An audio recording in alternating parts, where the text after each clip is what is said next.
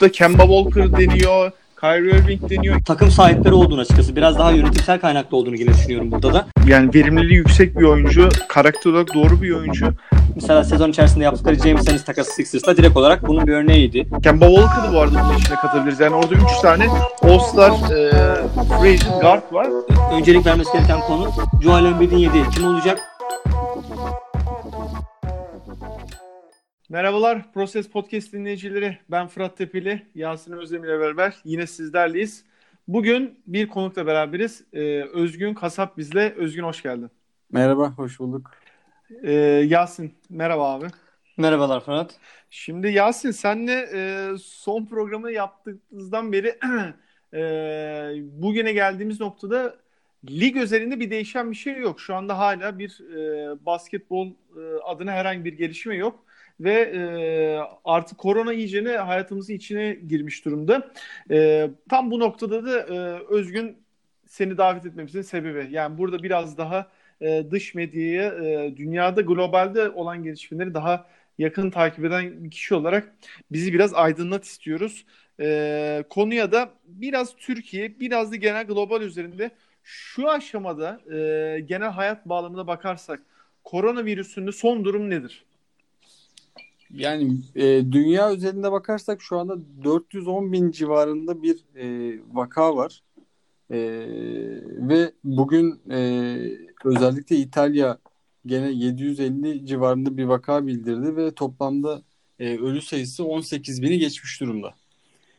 E, diğer açıdan Türkiye tarafına bakarsak da Türkiye'nin elimizde dün yayınladığı datalar var. E, dün yayınlanan dataya göre toplamda 24 bin test yapılmıştı.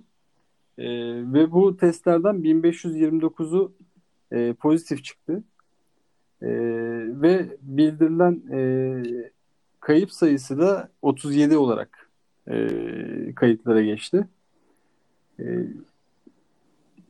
Peki Özgün orada şöyle bir noktaya değinmiş. Şimdi sen e, bahsettiğin zaten yani bir İtalya örneği var şu anda. E, bu e, koronanın ilk çıkışındaki yani Wuhan ve Çin e, bölgesinin de artık ölü sayısı bağlamında geçmiş bir durumda.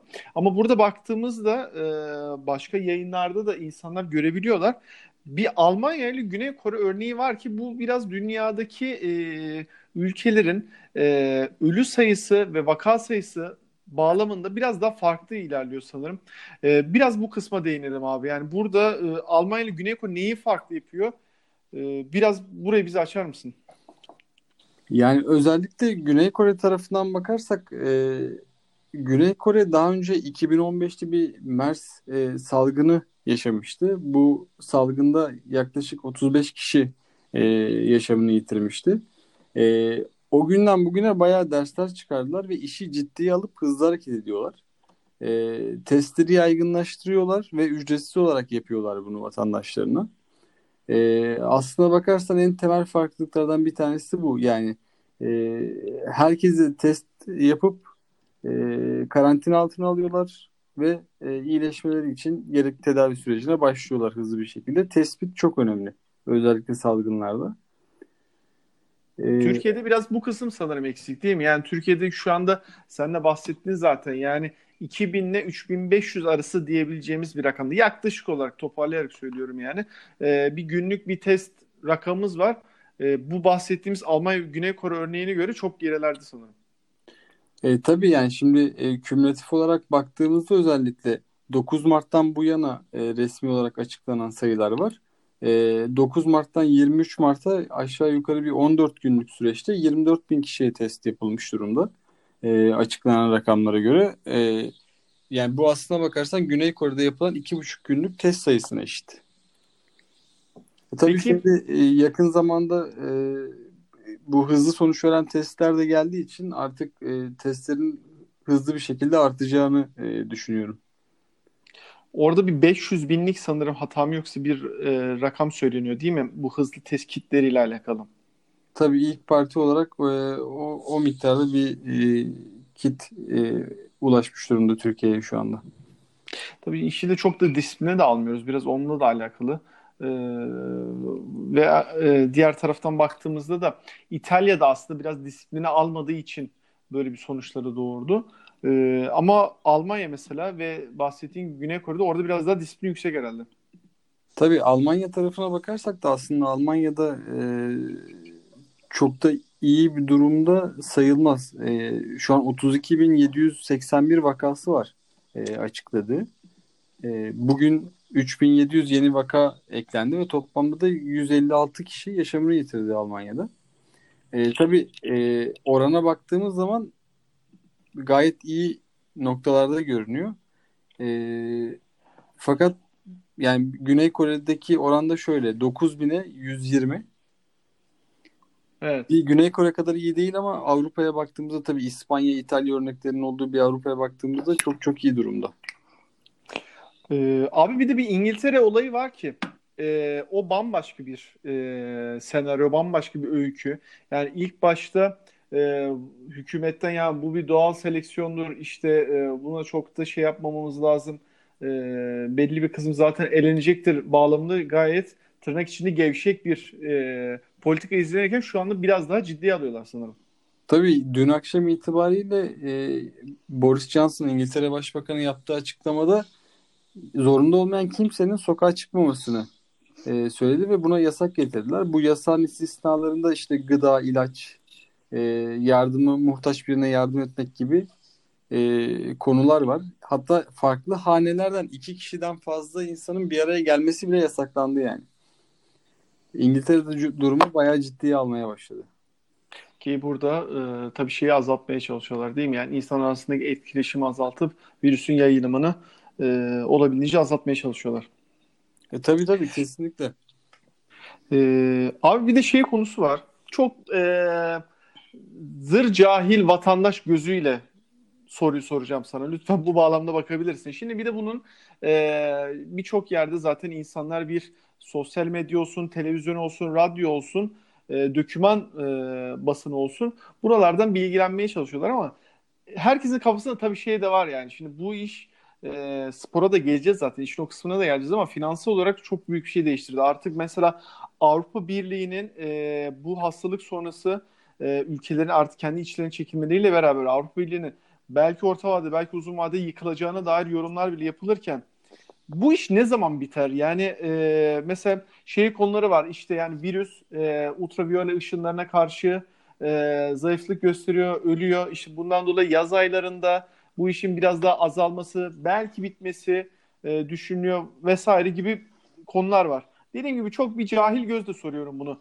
E, bununla ilgili yapılmış bir bilimsel bir yorum var mı? Bir e, buna ilgili bir data var mı elimizde şu anda? Yani e, ekonomi tarafından başlarsak ülkeler zaten bu durumu desteklemek için inanılmaz paketler açıklıyorlar. Fakat e, özellikle borsa kanadında işte e, güvenli liman olarak gördüğümüz altın tarafında falan insanlar e, pek e, güvenli olduğunu düşünmediği için satıyorlar genelde. E, özellikle bir iki haftadır falan bu çok net bir şekilde görülüyor. E, ne zaman biter konusu açıkçası e, net değil. Yani çalışmalar var fakat bunlarla ilgili kesin bir sonuç yok. E, genelde hani şöyle bir bilgi dolaşıyor işte yazın bu salgın duracak vesaire gibi. Aslında bunu da şöyle açıklamak lazım. Şimdi yapılmış bir, e, bir sonuçlanmış bir bilimsel çalışma yok şu an bilim insanların elinde. E, fa- e, farklı iklim şartlarında bu e, virüsün nasıl davranacağını öngörmek için de şu an çok erken. E, ama şunu e, öngörebiliriz. Şimdi Güney Yarımküre'de yaz yaşanıyor ve orada aslına bakarsan daha doğrusu yaşanıyordu. E, vakalar vardı. E, ortamın sıcaklığının artmasıyla işte bu damlacık yoluyla bulaştığı için bu virüs genellikle o damlacıkların çabuk buharlaşabileceğini, işte insanların artık kapalı alanlarda durmadığı için açık havada e, enfekte olmak daha zorlaşacağını falan öngörebiliriz ama tam olarak kesin yaz gelince bitecektir demek e, çok da doğru görünmüyor açıkçası. Ee, biraz da bizim podcast'imizin alanına gelirsek yani bu işin spora etkisi şu anda baktığımızda ilk NBA ile başlayan büyük organizasyonların, büyük ciddi paraların döndüğü organizasyonun şu anda teker teker e, dondurulduğunu gördük. E, diğer taraftan da şu anda dünyanın en büyük organizasyonu olan olimpiyatlar. E, bugün Japon hükümeti de açıklama yaptı. E, detayları için soruyu sana yönelteceğim ama e, ertelendiğini duyurdu değil mi? Tabii e, ertelendiğini duyurdu. Şöyle bir açıklamaları var. E, normal şartlarda 24 Temmuz'da 9 Ağustos arasında yapılacaktı. E, 2021'in yaz ayını geçmemek üzere ertelendi. Yani o zamana kadar bu işin çözüleceğini düşünüyorlar demek ki. E, diğer taraftan baktığımızda da şu anda zaten e, tescillenen ligler var çeşitli spor dallarında. E, dondurulan ligler var işte mesela bahsettiğimiz gibi yani bunun en başında da e, podcastimizin konusu olan NBA geliyor.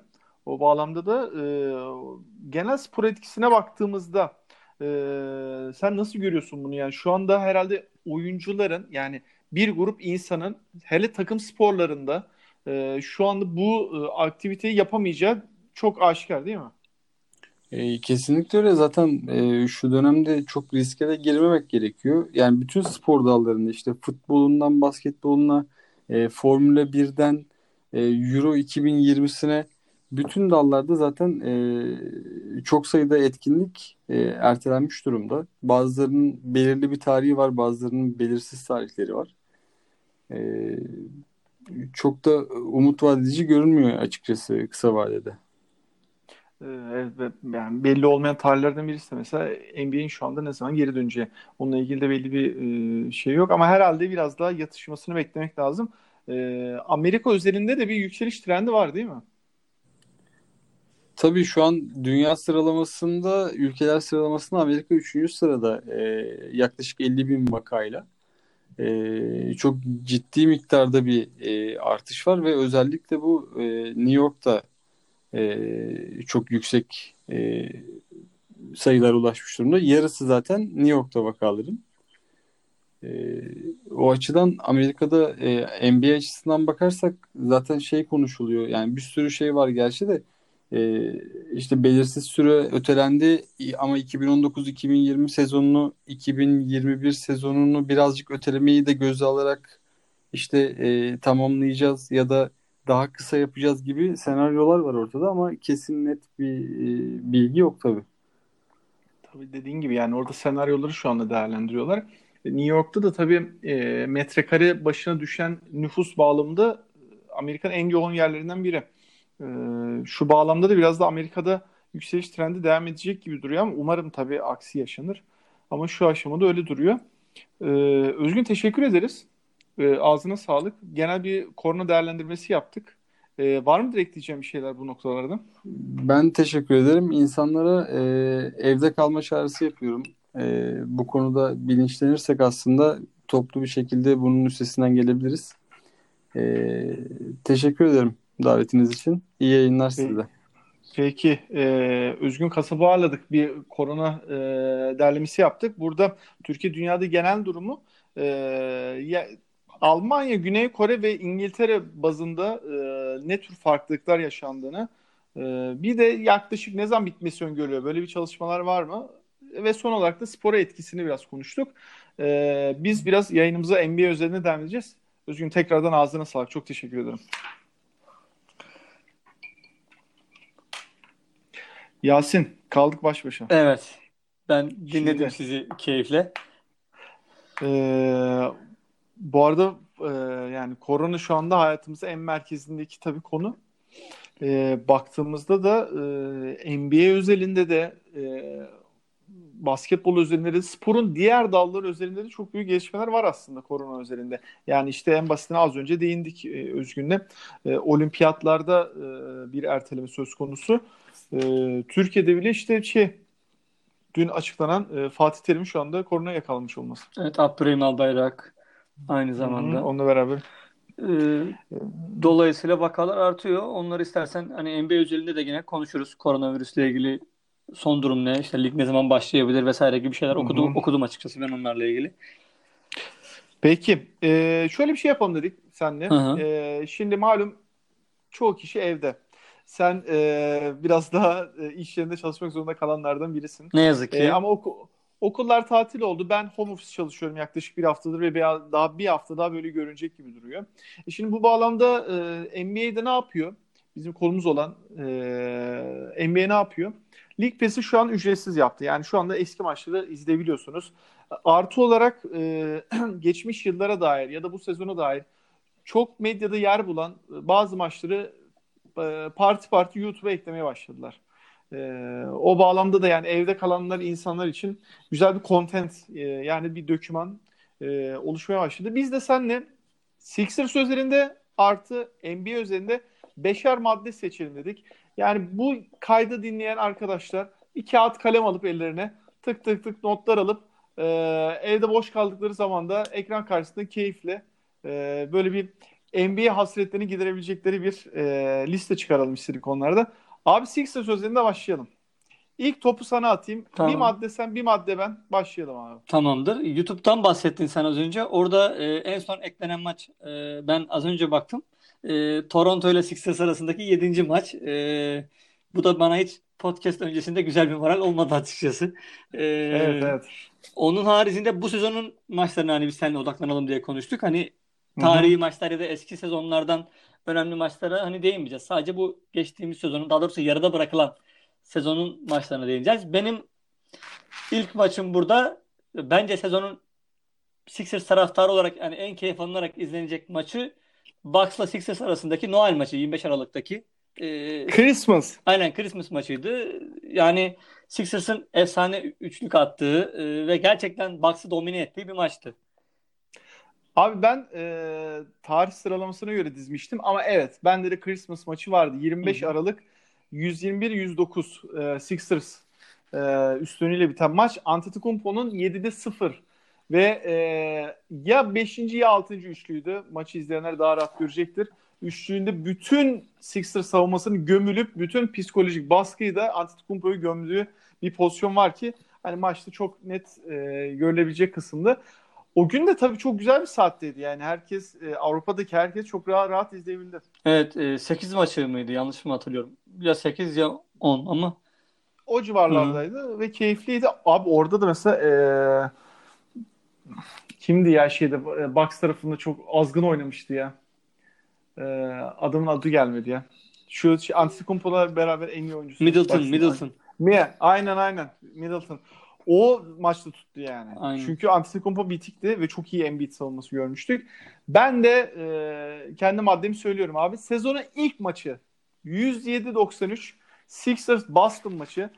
Geçtiğimiz 2-3 yıllık yani prosesin yavaştan bitip Sixers'ın güç kazandığı dönemde bir türlü Al Horford'lı e, hatta sonrasında Kyrie Irving'li Boston'a karşı e, güç gösteremeyen Sixers'ın sezonun ilk maçında Ben Simmons'ın inanılmaz agresif bir oyunu var. Abi maçın özetini izleyebilirler. Full paketi izleyebilirler. Tam bir Ben Simmons maçı 24 Ekim'deki sezonun ilk maçı. Evet. E, sen de dediğin gibi biz bizim açımızdan e, sezonun nadir iyi özelliklerinden bir tanesi Boston'a karşı olan o psikolojik yenilgi e, atmosferinden kurtulmak oldu ve e, bu sezonki maçların hepsini kazanmamız oldu açıkçası. E, o maçta evet ben hiç Boston maçlarının hiçbirine hani değinmedim. Listeme almadım ama e, paket halinde o Boston maçları izlenebilir yani. Evet. Senin diğer madden nedir? Benim diğer maddem bu sefer Sixers'ın yenildiği bir maç. E, Heat'le uzatmada Heat'in yendiği maç. 29 Aralık'taki. O maçta hani hmm. güzel bir maçtı benim açımdan. Yani bir izleyici gözüyle baktığınız zaman Sixers taraftarı gözüyle değil de e, iyi bir maçtı o da. Ee, orada Jim Butler iyi bir oyun ortaya koymuş diye hatırlıyorum. Aynen, aynen.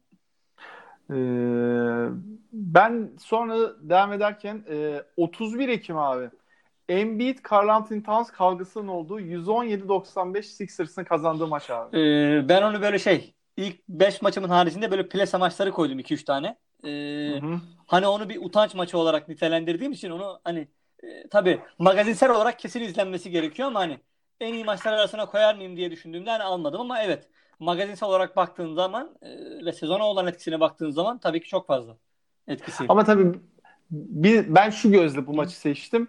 Ee, yani bu yayını izleyenlerin çok büyük, e, yayını dinleyenlerin daha doğrusu Hı. çok büyük çoğunluğu Sixers taraftarı ve Sixers e, bağlılığıyla o maçı izlerseniz inanılmaz keyif alıyorsunuz. E, Wells Fargo Center'da abi stat yıkılıyor e, falan magazinsel olarak dediğin gibi inanılmaz Hı. doyurucu bir maç. E, ondan dolayı ben bunu seçmiştim. Evet sen de devam edelim abi. Tamam. Ondan sonra yine senin hani tarih sıralamana göre gidersek benim açımdan 20 Ocağı e, gelmiş oluyoruz. Hani o da senin bahsettiğin Simmons'ın o domine ettiği maçlardan bir tanesini seçtim ben. Sixers'la Nets arasındaki Simmons'ın triple double maçı. Yani bu çok öne çıkan maçlardan biri değil ama e, o Simmons'ın Kasım ayı itibariyle hani Aralık ve Ocak Şubat ayındaki o efsane performanslarından bir tanesini hani ödüllendirmek istedim açıkçası ben. Ee, hani çünkü bu sezon üzerinde baktığımız zaman hani Embiid mi daha iyi, Simmons mı daha iyi? Ee, bence Simmons'ı bir adım daha öne koymamız lazım. Hatta belki birkaç adım daha. Ee, en azından o şütörlük kısmını halen daha beceremiyor ve belki hiç zaman beceremeyecek ama e, yani takıma verdiği katkı anlamında Simmons'ı bence bu yarım sezonluk performans olarak ben daha öne koyuyorum açıkçası. E, dolayısıyla 20 Ocak'taki Sixers net maçı, net maçı e, benim açımdan hani izlenebilecek diğer bir maçtı. Ya sezon genelinde e, Nets'ten e, Dinwiddie'den çok çekti aslında Sixers. Dinwiddie'nin iyi maçları var. E, bahsettiğim maçı da hatırlıyorum. Güzel de bir maçtı. E, orada şöyle bir durum var. Ben Simmons üzerine yaptığın yoruma ek olarak Ben Simmons'ın sezona başladığındaki ilk 4-5 maçı iyi ama sonra bir periyot var ki Rezaletti. yaklaşık evet bir yaklaşık 7-8 maçlık bir periyot var ki gerçekten performansını düştü. Ama abi sonrasında bir gaza bastı. All-Star'a seçildi. Devamını getirdi. Yani sonrasında bir sakatlık oldu ama o aradaki bölüm muazzam. Yani orada hiç vites düşürmedi. Her maç çok agresif. Her maç çok verimli oynadı. Ee, ben devam ediyorum abi. Tamam. 9 Kasım. Ee, bu maçı canlı da izlediğim maçlardan biriydi. Ee, şu Denver'ın geri dönüş yapın. Sixers'ın deplasmanda kaybettiği 197 skorla kaybettiği bir maç var ki son periyot skoru 35-13 abi. Yok için tek ayakla bak Novitski şutu gibi saçma tek ayaklı soktuğu bir son şut var. Onunla beraber Sixers kaybediyor abi. Ee, yani Brett Brown'un boğazını sıkmamak için kendimi zor tutmuştum. Yani bu kadar mola yönetimi kötü olur. Bu kadar ki Brett Brown'un en iyi, en güçlü olduğu yön olarak biz hep şey deriz. Yani e, mola dönüşlerindeki ilk çiz, e, ve ikinci çizdiği setlerde takımın hep sayıyla bir avantajla döndüğünden bahsederiz. Abi inanılmaz kötü bir maçtı. İnanılmaz kötü bir maçtı ve elimizdeki maçı vermişti. Yani evet benim bile Brett Brown'u savunamayacağım bir maçtı o. Ne yazık ki ee, ve sonuçta dediğin gibi hani Nikola Jokic çok saçma bir şutla e, takımına galibiyeti getirmişti. Ve orada şunu ektim. Jokic de genel olarak kötü bir de maç oynamıştı. Şimdi şeyi açtıklarında insanlar fark etmeyecekler box skoru açtıklarında. Çünkü Jokic kağıdı doldurmuştu aslında. Ama genel olarak bakıldığında e, şut seçimleri bir de o sezona da ilk kilolu girmişti ya hatırlıyorsun Evet. dönem. Sonrasında biraz biraz kilo verdi toparlandı hatta performansı da yukarı çıkmıştı ama tam en kilolu olduğu zamanlar inanılmaz hantal falan maçtaki vücut değil de çok kötüydü. Abi son şutu el üstü tek ayak soktu yani. İşte e, büyük oyuncu olduğunu göstermiş oldu o şutuyla. Devam edelim abi. Tamam devam edelim. Benim bir sonraki maçım 8 Şubat. Ee, burada da Furkan'ın bir performansını ödüllendirmek istedim açıkçası. Ee, O da e, Memphis Sixers maçından 34 sayı attığı bir maç var. Ee, Hı hı. dolayısıyla o hatta takımın en skoreriydi. O da benim açımdan hani Furkan'ı ödüllendirdiğim ve bu sezonki başarılı, görece başarılı performansını dikkat çektiğim bir maç. Hani o maçın içerisinde de hatırlıyorum. Hatta işte e, spikerler ve e, maç anlatıcılar işte Türkçe olarak muhteşem falan demişlerdi böyle Furkan'ın performansı ile ilgili böyle geyikler dönmüştü. O anlamda hani Furkan'ın performansının zirve yaptığı bir dönemdi o. Ee, Furkan Kontet olarak bile hatta bakılabilir yani. Hani 34 attığı Memphis maçı var. Ee, hemen sonrasında Bulls maçı da 31 Evet. değil mi? Evet. O var. E, ondan hemen e, bir buçuk ay önce işte e, Portland maçı var son Hani saniye. üçlü. Yani Simon'ın köşeden attığı şuta cevaben e, orada da Brett Brown'ın çok iyi seti var bu arada. Hani şimdi az önce gömdük ama burada hakkını vermemiz lazım. E, o maçı da canlı izlemiştim. İnanılmaz bir keyifti ki tam bir kriz maçtı yani. Maç bir o tarafa bir bu tarafa gidiyor. E, Damian Lillard 3. çeyreğin ortasıyla itibaren azmış falan böyle hani e, bayağı krize gitmişti. Sixers Ee, maç ama- kazanamıyordu galiba yine o dönem kötü hani bir O tam şey dönemiydi abi işte. Şu e, galibiyet serisiyle başladıktan sonra tık tık tık arda arda mağlubiyetler Evet, evet. ya. Tam o dönemde deplasman serisine e, girmişti. takım ve e, zor bir maç çıkardılar. E, Furkan üzerinde çok şey var ya. Döküman var elimizde bu sezon. Evet. Yani bizim için işte nadir iyi dediğimiz şeylerden biri de Furkan'ın performansı olduğu bu sene. Nadir iyilerden biriyle devam edeyim mi? Evet. E, abi tarihi yazmamışım ama çok rahat bulabilir insanlar. Çünkü çok yeni bir maç. E, Clippers deplasmanı abi. Shake Milton'ın 20'de 14'te 39 sayı attığı maç abi. Ee, sen, keyifli. senle ikinci ortak maçımız bu. Noel maçı hariç herhalde. Ee, ben de onu yazdım. 1 Mart direkt olarak. Ee, bir tane 1 Mart mı? Aynen. Ee, yani Shake Milton'ı da sezonun son bölümündeki performansıyla dediğim gibi bir anmamız gerekiyordu burada. Bir tane de ondan bir maç izlememiz gerekiyordu. Yani evet çok keyifli. Benim de yani bu maçlar içerisinde belki hani şöyle söyleyeyim Bucks maçından sonra belki de en keyif aldığım maç saydıklarımız konuştuklarımız arasında bu olabilir. Bak orada Sixers yeniliyor. 136-130. İnan maç sonunda e, bir Sixers olarak içinde hiç ukde kalmamıştı. Çünkü takım it gibi oynamıştı. Ha gücü yetmemişti. Çok eksik vardı. Diğer tarafta e, Kawhi Paul George bench'ten de abi Montrezl de çok verimli bir maç oynamıştı. Ee, onu da canlı izlediğim maçlardan biriydi. Saati de çok güzeldi hatırlarsın. Evet evet ben de canlı izlemiştim. Hı hı, Güzel bir saatteydi. Ee, ama hele ilk yarı falan iyicene Shake Milton çok iyi top oynamıştı. Ee, ama Tobias da biraz katkı vermişti. Yetmemişti. Ama bence hiç problem değil. Gayet de şeydi. Benim içime sinen yenilgilerden biriydi. Evet. Ee, benim bir tane daha maçım var işte plase olarak. O da Embiid'in sıfır sayı attığı Toronto maçı. Kim izlemek ister bilmiyorum ama o da 26 Aa, Kasım'da. Doğru diyorsun. Evet. Ama o çok e, izlemesi keyifli Olmaz. olması yani. Aynen büyük ihtimalle Embiid'e e, boyuna söveceğimiz bir maç olabilir. Peki güzel maçlar seçmişiz ya. Aynen. Ee, bu tarihlerle beraber isteyenler şey yapabilirler. Ee, internetten ya da YouTube League Pass üzerinde bakabilirler. NBA özeline geçelim abi. Tamam. Ee, bu sefer ben başlayayım. Tamam. Çok e, burada tarih sıralaması yapmadım. Sen Çünkü sen fark- Zion'ları yazacaksın. Ben o yüzden Zion maçlarını pek yazmadım. Bunu bilerek öyle söyleyeyim. Bir tane Zion var ya. Zion'lar ya çoğul yapmayalım. ee, All-Star maçıyla başlıyorum abi. Çok keyifliydi bence. Ha, Bak ben hiç o açıdan düşünmemiştim. Evet bu güzel olmuş senin bu tercihin. 17 Şubat'ta e, yeni e, kurallarla beraber yani Kobe Bryant'a da bir atıfta bulundukları. O hafta sonu gerçekten e, keyifliydi uzun yıllar sonrasında. Ama maç ana yemek çok keyifliydi abi.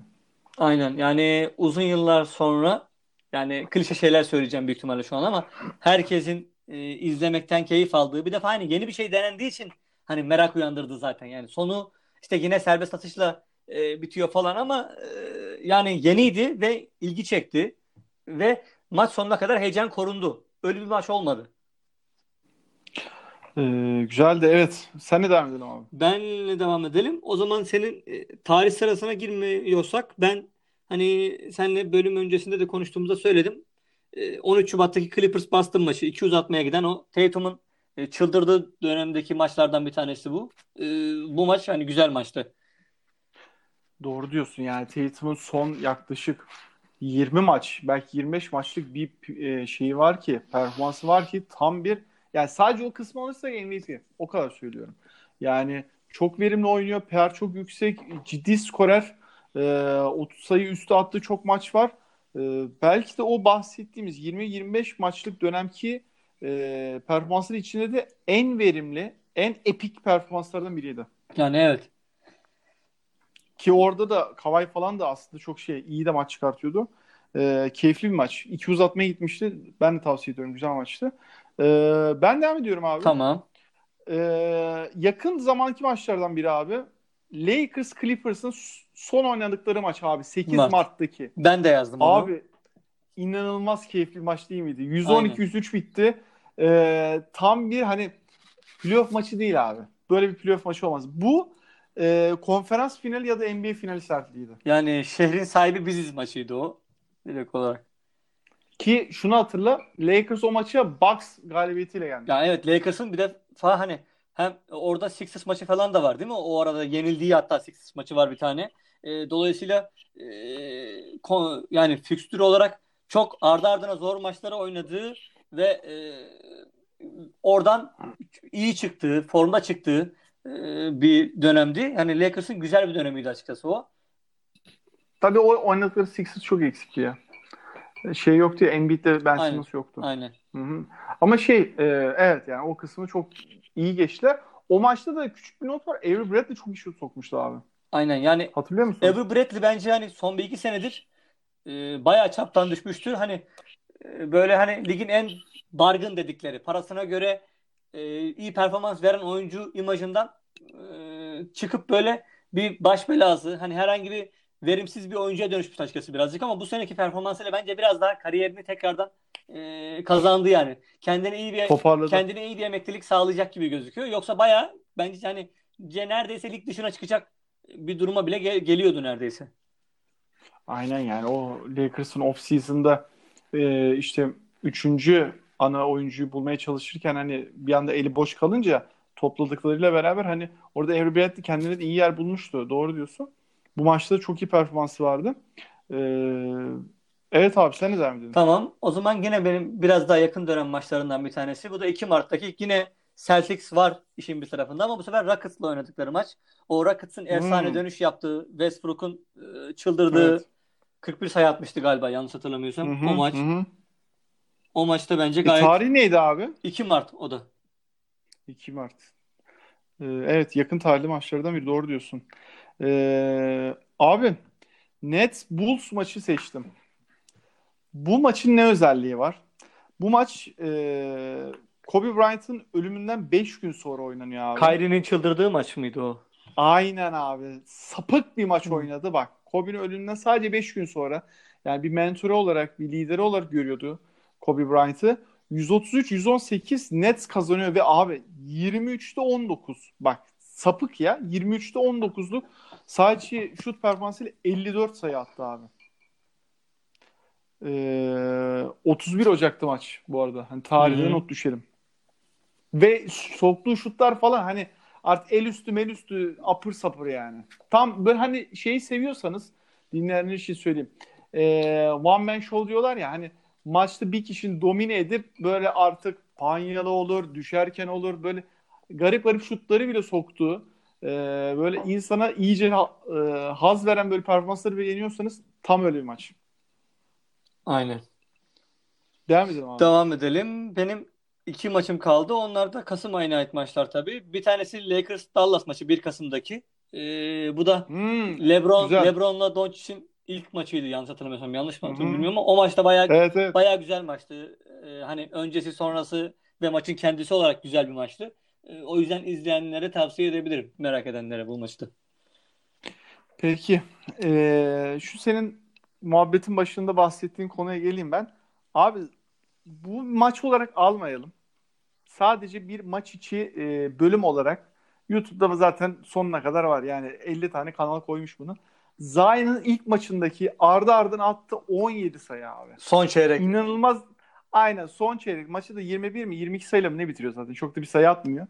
Ee, maçı da kaybediyorlar. Ama o kısım var ki inanılmaz keyifli. Daha ilk maçta bir şutör olarak e, konumlandırılmayan bir oyuncunun 4'te 4 üçlük sokuyor abi. Yani evet o maçta bir ki o dördüncü çeyreğe gelene kadar neredeyse böyle alay edilecek bir durumda galiba maç. 5 sayısı falan vardı ben yanlış hatırlamıyorsam. O maç böyle E- bayağı hani ya bu muymuş işte balon falan maç içerisinde neredeyse böyle konuşulmaya başlamıştı artık. Adam ondan sonra coştu. Evet evet dediğim gibi maçı da 22 sayı bitiriyor. 5 sayısı var o, o ana kadar ve vücut dili falan da çok kötü. Yani e, videolardan görebilir insanlar hani maçı tamamını izlemek hiç gerek yok bu arada çok zevksiz bir maçtı da. E, ama hani orada o şutları sokmadan önceki vücut diline bakarsa insanlar zaten fark edecekler. Aslında çok negatif bir vücut dili var. Ama ardı ardına o çirkin şut stiliyle e, bam bam bam 4'te 4 atıyor abi. Yani. Devam edelim. Tabii devam edelim. Benim son maçım direkt olarak 30 Kasım'daki Wizards'la Rockets maçı. Bu da böyle şey sırf skor seven e, insanlar için e, bu da benim plase maçlarımdan bir tanesi olsun. 159-158 biten maç bu da. Abi aynı maçı seçmişiz. Aynen. Ee, 59 sayı Harden, 46 sayı Bradley Beal. Beal, 0 savunma, full offense ve şey e, bu skor abi maç uzatmaya gitmeden normal klasik 4 çeyrekte yapılan skor. Aynen. Yani sırf hani basket Ee, e, tin potaya girmesini, topun potaya girmesini izlemek isteyenler bu maçı izleyebilirler yani. aynen. Ee, güzel maçlar seçmişiz ya. Aynen. Ee, Sezonu aslında bir kısa bir tekrar yapmış olduk böylece. Evet evet keyifliydi. Ee, bir sonraki bölümde de e, biraz geçmişlere değineceğiz. Geçmişlerden böyle hani güzel e, bölümler konuşacağız. Yani bu evde kaldığımız dönemde. Şimdi programı bitirmeden de Sixers yine kaynıyor ya. Hmm, Yani ne yazık ki evet yine yanlış bir gündemle bir e, halkla ilişkiler e, rezaletiyle gündeme oturduk ne yazık ki. Abi gerçekten hani e, şey konusu var ya e, hani kötü takım düzeliyor, kötü koç kovuluyor, yerine iyisini getirebiliyor da hani kötü takım sahibine hiçbir şey yapamıyorsun ya. E, Sixers'ın da kötü takım sahibi belki ağır bir tabir olabilir. Onu, onun neden hani onu çok söylemiyorum ama e, iyi olmadığı kesin. E, Josh Harris ve şu anda gündeme de şöyle bir konuyla geldi. Çok taze konu bu arada. Yani biz kayda girmeden 5 dakika önce update'i geldi. Ben bir şeyi derleyeyim abi. Haberi derleyeyim. Üzerine konuşalım. Ee, Josh Harris Sixers ve New Jersey Devils'ın sahibi. Ve bu koronavirüs sebebiyle malum sezonlar şu anda e, iptal demeyeyim ama dondurulunca e, Amerika'da da maaş sistemi bizde mesela aylık bazda işte 3000 TL maaş alıyorum. Aylık bazda söyleniyor ya. Amerika'da yıllık bazda söyleniyor oranın kültürüyle. Ee, yıllık 50 bin dolar üstü maaş alanların %20'ye kadar, %20 değil, %20'ye kadar maaşını kesinti yapılmasıyla ilgili bir karar alınıyor. Buradaki periyot da şu 15 Nisan'dan Haziran sonuna kadarki bölüm. Ee, Josh Harris dediğimiz abimiz de kimdir? Hani bilmeyenler için söyleyelim. Ee, şu meşhur e, finans e, kuruluşu Forbes'un e, sıralamasına göre Amerika'daki en zengin 154. aga. Yani şu anda yaklaşık 4 milyar e, dolarlık yaklaşık diyorum bir serveti var. E, tam bir kapitalizmin ağa babalarından biridir kendisi. Yani yani iyi bir okulda okumuş, iyi eğitimli görece hani zaten parasına isteyecek bir şey yok. Hani kötü bir takım sahibi diyorsun ya bazı özellikler olarak Sixers'a çok büyük katkıları oldu. Bazı şeylerde de ama rezalet yönettiler. İşte o e, Brian Colangelo vakasında olduğu gibi yani bir de bu adamlar 2011-2012'den beri bu takımın sahibi. Artık bu işleri biraz daha öğrenmiş olmaları e, gerekiyor diyorum ve hani bunlar e, kurumsal kültürün içerisinden gelen insanlar böyle bir şeyi nasıl e, yani düşündüler, nasıl yaptılar ki sonradan biliyorsun son dakikada aldığımız gelişme özür dileyerek işte biz e, takım içerisinde de görüştük e, diyerek bu yaptıkları şeyden vazgeçtiler. Ki orada Embiid'in biliyorsun bir hamlesi oldu. 500 bin dolarlık bir ben destek sağlayacağım diye. E, ve diğer takımları da galiba böyle bir şeyleri düşünüyorlarmış açıkçası. E, ama sırf Sixers'ın düştüğü durumu görünce he, anında Twitter'da falan medyada e, hepsi geri adım attılar. Ki burada ben e, Houston Rockets'ın takım sahibini de hani böyle artık en kötü takım sahiplerinden e, biri olarak nitelendiriyorum ve hani benim kafamda Houston takımını sempati duymamamı, sırf o takımımı diğerlerinden az izlememe sebeplerinden bir tanesi bile bu adam yani resmen. O da böyle bir hamle yaparak kendi işletmelerinde bir takım kesintileri falan gitmişti. Benim açımdan hani dünyanın böyle ağır bir krizden, bir salgından geçtiği dönemde bu hamleler açıkçası ve görece bu kadar e, refah seviyesi yüksek insanların böyle hamleler yapması çok e, kabul edilebilir değil. E, çünkü o şirketteki adamlara karşılıksız olarak o adamlar 6 ay bile maaş ödeyebilirler ve bundan hiç etkilenmezler aslında. E, o derece refah seviyeleri yüksek insanlar. E, Ama tabii öyle bakmıyorlar Aynen. olaya. Hani oraya olaya şöyle bakıyor. Diyor ki Sixers bir şirket. Ben bunu aldığımda işte 1 liraya aldım. Şu anki değeri oldu 4 lira. Bu arada hani bu oranı da hani gerçekten böyle olduğu için söylüyorum yani. Gerçekten aldıkları paranın şu anda 4 katı değerinde. Daha da fazla Ee, belki de. Yani, Üç- yani 280 milyon dolara falan almışlardı. Şimdi 1,5 ile 2 milyon milyar dolar arası bir değeri var takımın. Ama işte şey nedir? Hani tamamını o 280'i almadılar yani bir büyük bir kısmını aldılar. İşte bir kısmı daha duruyordu falan. Ee, hani oradaki konu şu Embiid'in tam bu işin üstüne bu arada o 500 bin dolarlık hani Embiid'in işte koronavirüs sebebiyle hani o maaşa destek değil tam olarak. Yani orada hani küçük bir nüans var onu da belirteyim. Ee, koronavirüs sebebiyle işte olan sağlık çalışmalarına Evet evet. destek vermek için 500 bin doları veriyor. Artı e, maaş desteği olarak da hani orada bir tutar belirtilmiyor.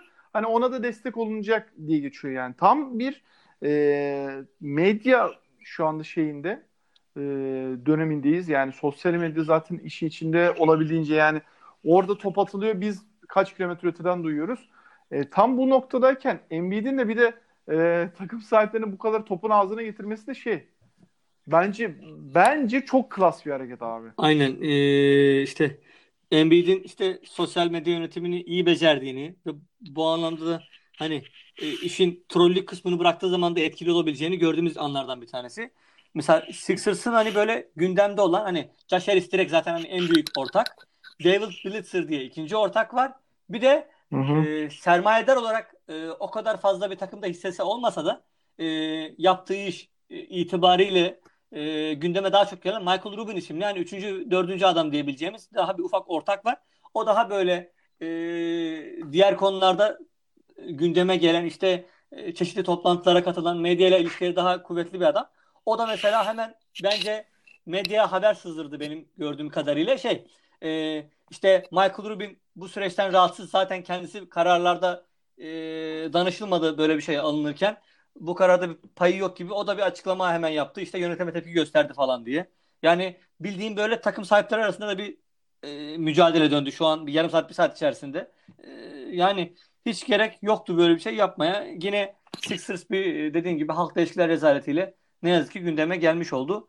Ee, yani yapacaksanız da bari siz bunu ilk yapan olmayın. Diğer takımları bekleseydiniz ki yani e, Mark Cuban gibi bir adam bile olayın ilk duyulmasından itibaren ben e, çeşitli destek programları yapacağım. O insanların işte paralarını ki o part-time insanların paralarını bile karşılamayı düşünen bir politik oynardı. Bizimkiler full-time çalışanların maaşlarını düşürmeye e, çalışıyorlardı.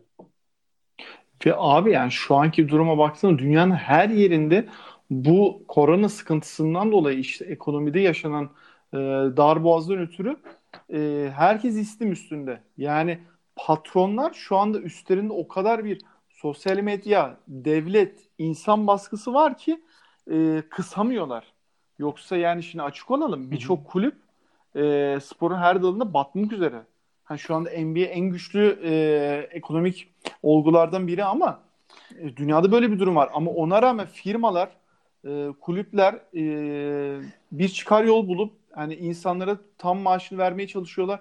E, abi şimdi hani programın başında Özgün'le beraber konuştuk. Hani İngiltere'nin mesela örneği şu an çok taze. Yani İngiltere'de şu anda e, sokağa çıkma yasağı geliyor. Evet. E, buna buna istinaden devlet cebinden e, kafe sahiplerine, işte mekan sahiplerine, e, işletme sahiplerine para verip ve ciddi paralar verip hani böyle e, senin işte e, kafeni içip tutup da bir ay kapat deyip sana tutup da bin lira vermiyor. Atıyorum 20 bin lira veriyor, 30 bin lira veriyor ki sen rahat oraya yine ekonomik olarak dönder. Bu durumdayken tutup da medyatik olarak en tepede olduğun kişilerden birinin yani %20 keseceğim açıklaması kepazelik ya. Tam başka bir şey değil yani. Aynen. Ya şöyle zaten e, bu geçen sezon başında olan işte Çin meselesi e, ekonomik olarak ligi bir kayıp uğratmıştı ve bu sebeple salary cap'te ücret bütçesinde takımlar bir zarar uğrayacaktı.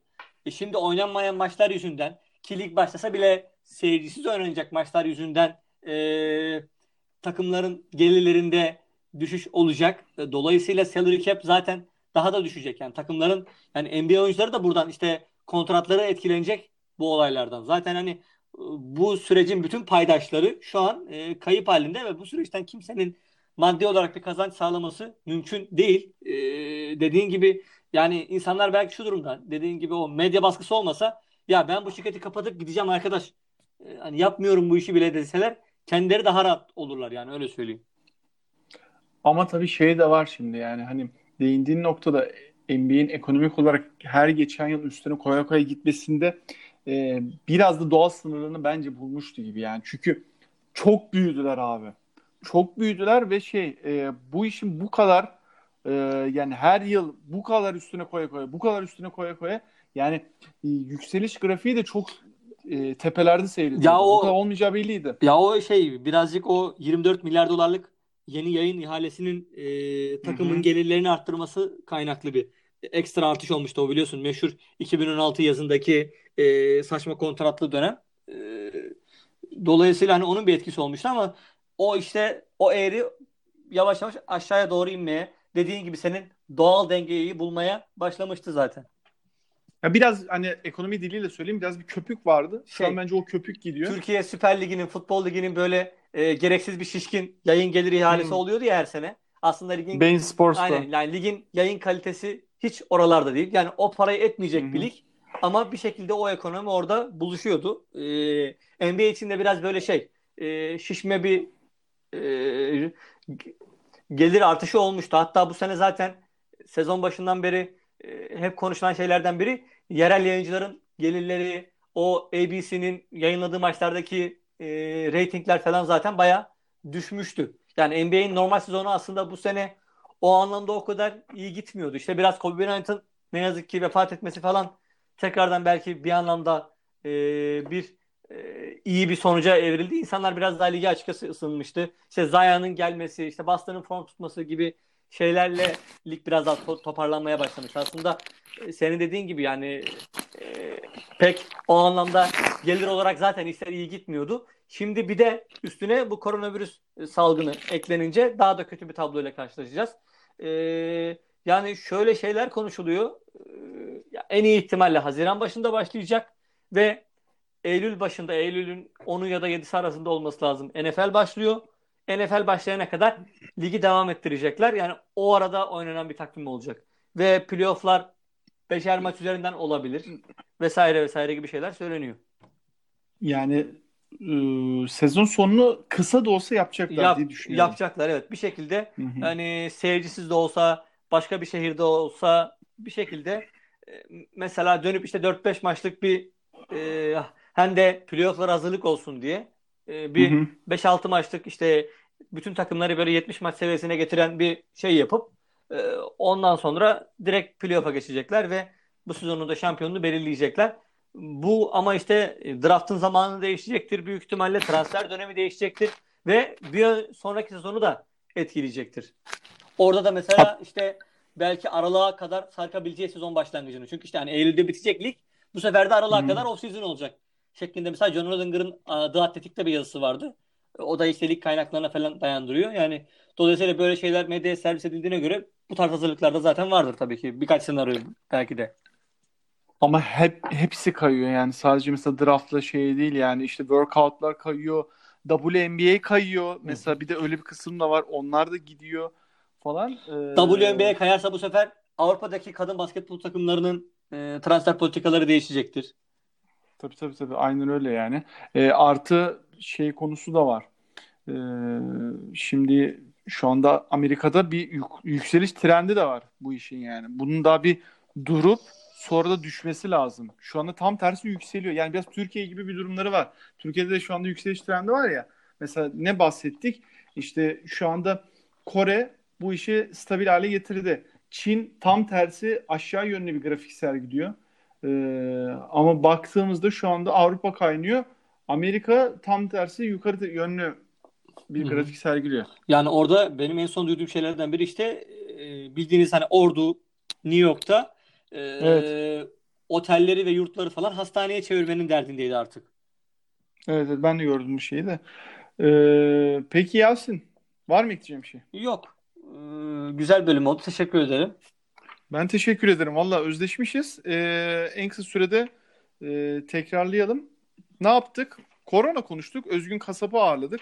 Ee, genel dünyadaki korona e, başlığı üzerindeki konulara değindik.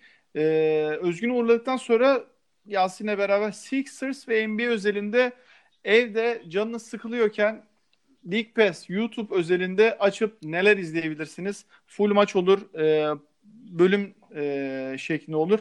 Neler izleyebilirsiniz diye. Birden sonunda da e, Sixers'taki e, maaş krizini konuştuk. E, Yasin'ciğim teşekkür ederim. E, hemen bence Joel Embiid'in Twitter'ına bak. Bir tweet atmış. Güzel bir tweet. Yeni mi? Aynen. E, yani bir Peki. 20 dakika önce biz yayındayken e, hem yönetimi eleştiriyor hem trollüğünü yapıyor yine aslında ama yine gaza getirici bir tweet atmış. E, yayın bitince bakacağım. Teşekkür ederim. Ağzına sağlık. Ben teşekkür ederim. E, ben Fırat Tepeli, Yasin Özdemir ile beraber sizlerleydik. Biz dinlediğiniz için teşekkür ederim.